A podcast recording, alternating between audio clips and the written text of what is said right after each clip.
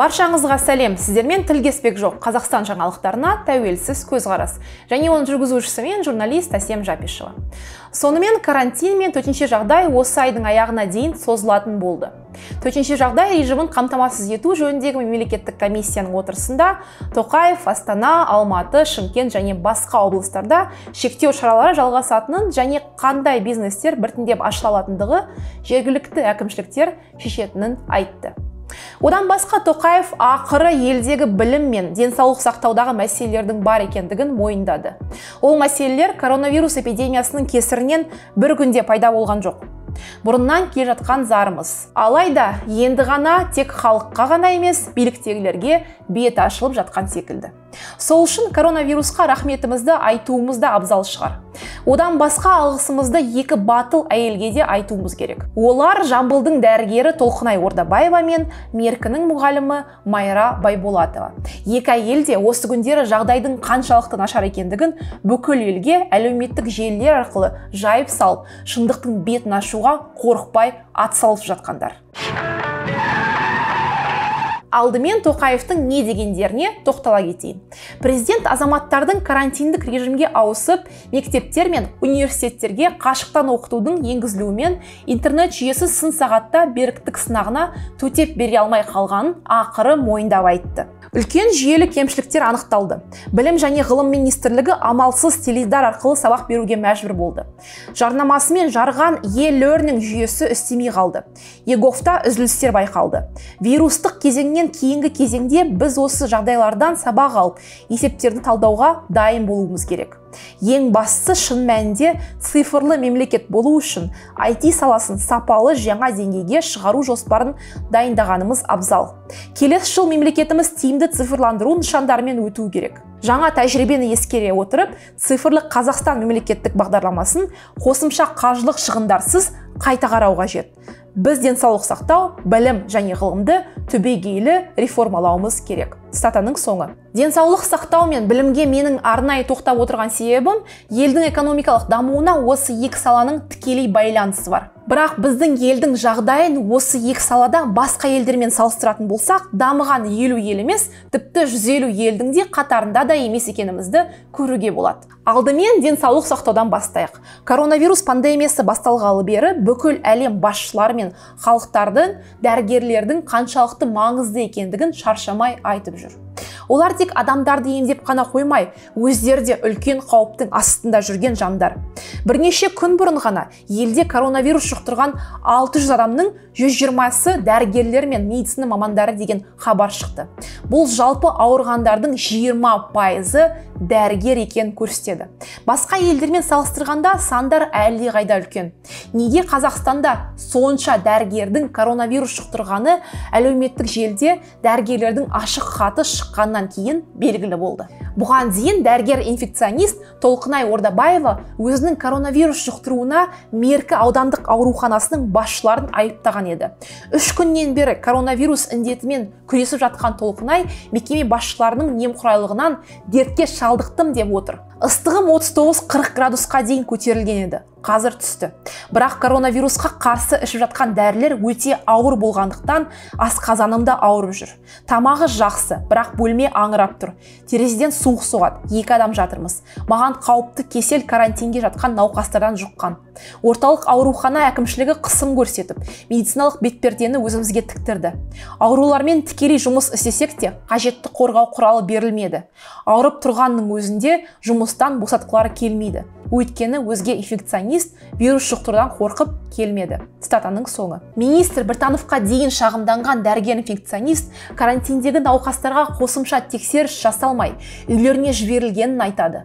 Оның сөзінше аймақта вируспен күресіп жатқан дәрігерлерге мүлдем жағдай жасалмаған. Меркі аудандық орталық ауруханасын апалы сіңілі туысқандар басқарады. Біздің аудандық аурухананың бас дәрігері медицина саласында еш қатысы жоқ экономист данияр нүсіпбаев деген 88 жылғы жас жігіт. Медицинаны мүлдем түсінбейді. Ал бүкіл істі жүргізіп аурухананы басқаратын жаңыл шойбекова. Шойбекованың туған сіңлісі аурухананың бас бухгалтері. Бұл екеуі де жамбыл облысы қоғамдық денсаулық сақтау басқармасының басшысы марат жұмақұловтың туған балдыздары. Сондықтан ойларына келгендерін істеп жүр. Жұмыстан шығару жұмысқа алу ақша алу қалыпты жағдай. Одан басқа екінші дәрігер төреқұл қаламқас та жағдайдың теледидарда мақтап айтатындай емес екендігі туралы шындықты жайып салды. Яғни менің аты жөнім төреқұл қаламқас батыралықызы меркі аудандық орталық ауруханасында жалпы тәжірибелі дәрігер болып қызмет атқарамын. Қызмет атқарып жатқаныма екі жыл болып қалды. Яғни біздегі міне маскаларымыздың түрі кәдімгі төсек жаймасынан тігілген маска бізге ешқандай да маска берілген жоқ. Осы коронавирус ә, басталғалы бері бізге өтірік айтпасам бір үш төрт маска берген шығар одан кейін мүлде маска берілген жоқ. Біздің қолымыздан тігуімізге сұрайды қол, қолдарыңнан тігіп киесіңдер дейді. Басқа біздің антисептик басқа да жағдайларымыз толық қамтылмаған. Яғни масканы мынандай бинттен тігесіңдер деп айтылды бізге. Оны бүгін ғана нестерильный бинт беріп отыр бүгінге дейін нестерильный бинт берген бізге? Яғни біздегі отырған басшылық экономист одан кейінгі өңшең туысқандар бір бірінің туған апалы сіңлілер ал біздің облздравымыз яғни осы жерде отырған зам главврачтың ә, күйеу баласы. Олардың барлығы яғни көз бояушылық көз таныстықпен өздерінің сөздерін сөйлеп ә, бір бірінің дұрыс қылып шығарып алады. Бізге сіздердің көмектеріңіз керек. Осындай біз біргеміз кезінде коронавирустың кезінде ә, біздерге яғни ә, өзіміздің керекті құрал жабдықтарымызбен қамтамасыз еткендеріңізді қалаймыз. Міне көріп отқандарыңыздай мына маскіден төсек жаймасынан тігілген маскіден даже бізге демалудың өзі де қиын. бір дәрігер қорықпай шындықты айтып жатқан кезінде көптеген сайттарда нұр отанды мадақтап жатқан бір біріне ұқсас жазбалар қаптап шыға бастады. Жалпы қазақстанның басқа елдермен салыстырғанда денсаулық сақтау жағдайы қандай? Дүниежүзілік денсаулық сақтау ұйымының мәліметі бойынша адам өмір сүру ұзақтығы бойынша біз 191 ел арасында 148 орындамыз. Ал жалпы медицина сапасы бойынша 135 орындамыз. Одан басқа дүниежүзілік денсаулық сақтау ұйымы біздің медицинаға қатысты келесідей статистиканы келтірді. 1989 жылдан бастап елдегі дәрігерлер саны 15 пайызға құлаған екен. Ал әр 10 мың адамға емханадағы төсек орын саны 46 пайызға құлапты. 91 жылдан бастап денсаулық сақтау жүйесінде тұрақты түрде мемлекет тарапынан тиісті қаржы бөліну жетіспейді. 2005 жыл бұл мақсатқа жалпы ішкі өнімнің 2,5 пайызы жұмсалды. денсаулық сақтау саласындағы мемлекеттік реформа бағдарламасы бұл көрсеткішті 2010 жылы 4 пайызға жеткізуді көздеді.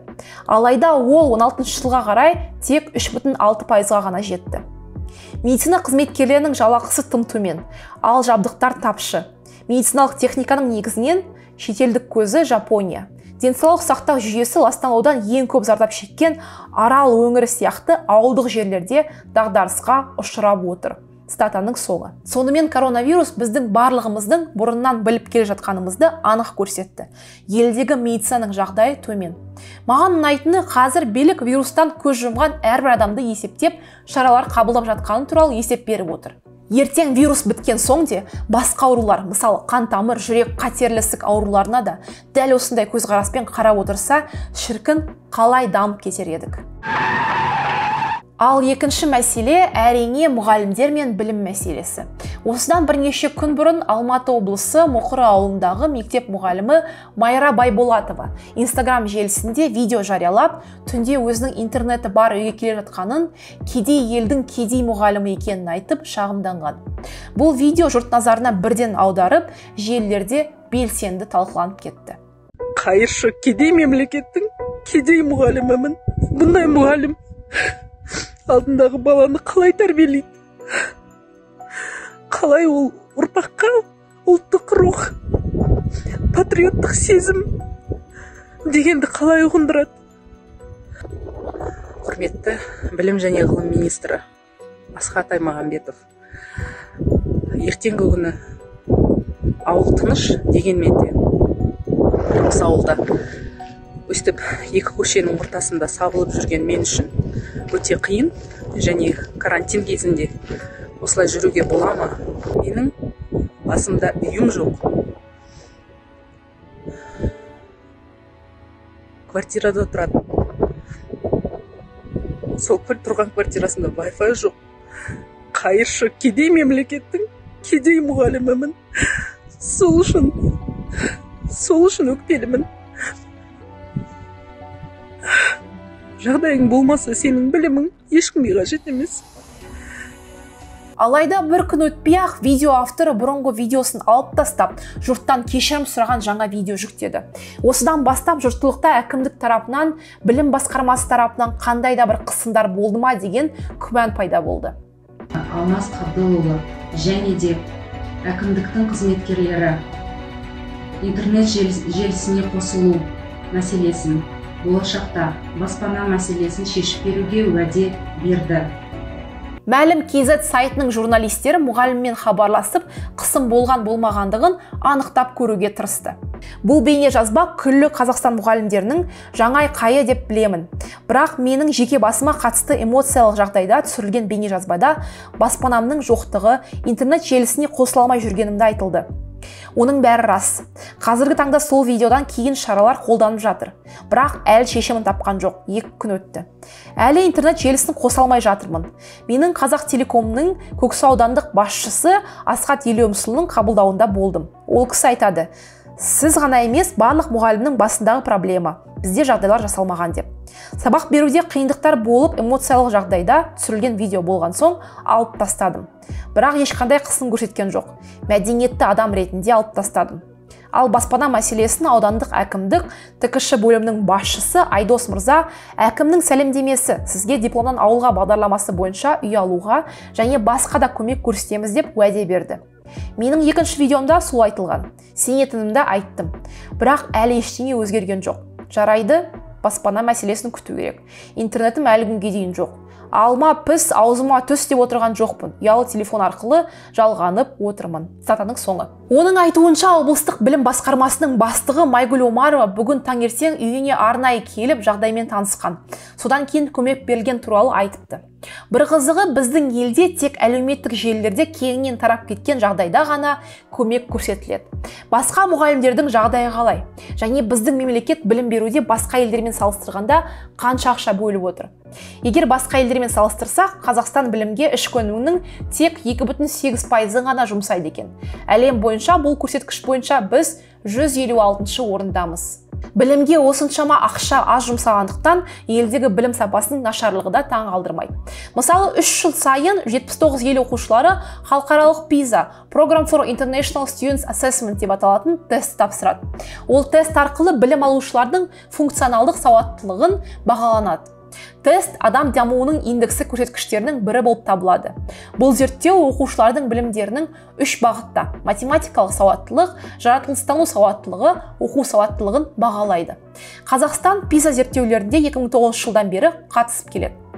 2018 жыл тестте біздің ел 79 ел ішінен 69 орынды алған екен. Балдардың қалай бөлінгеніне назар аударсақ ең жоғары балдарды орыс тілінде білім алатын қала мектептері оқушылары мен орыс тілінде білім алатын ауыл оқушылары алыпты.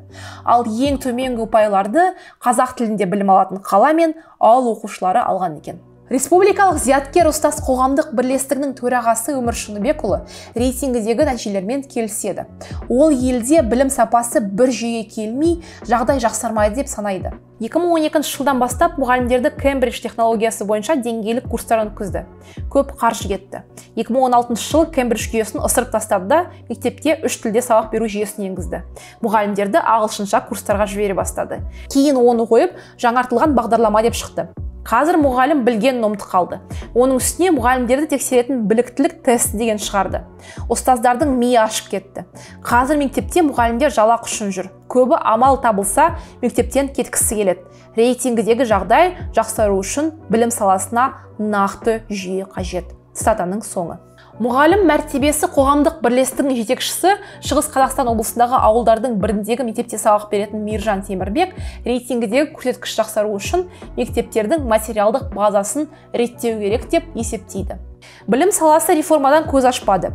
Біріншіден бұрын балалар баға үшін оқып тырысатын. Қазір формативті бағалау енді. Әр күнгі баға есепке алынбайды. Тек 90 соңына жиынтық бағалау бар. Осы шешім балалардың оқуға деген ынтасына әсер етті. Бұл бір. Екіншіден мектептердің материалдық базасын жақсарту керек. Бірақ мектептен бірақ мектепте интернет нашар. Бір екі ғана интернет көзі бар. Оқушыға үй тапсырмасын береді. Тапсырмада интернеттен көр деп тұрады. Интернет нашар болса видеоны көру қиын. Цитатаның соңы. Естеріңізге сала кетейін. Коронавирус эпидемиясы басталғалы бері барлығын онлайн оқытуға айдап салған үкімет кейін әлдегі интернеттің күші 3 миллион оқушыны оқытуға жетпейтінін мойындады. Жалпы тағы да осы жерде айтайын дегенім коронавирусқа бір жағынан рахмет айтуымыз керек шығар. Бәлкім бет ашылған мәселелердің барлығын көрген билік келесі сәтте экспо мен азиаданы өткізудің орнына білім мен денсаулыққа ақша жіберер. Ал шындықтың көзін ашқан жас дәрігер мен мұғалімдерге алғысымызды білдіргіміз келеді. Сіз секілді батыл азаматтардың арқасында еліміз жетістікке жетеді. Ал сіз бұл жайында не деп ойлайсыз? Пікіріңізді міндетті түрде қалдырып видеоға лайк басып каналымызға жазылыңыздар. Назарыңызға рахмет амандықта көріскенше.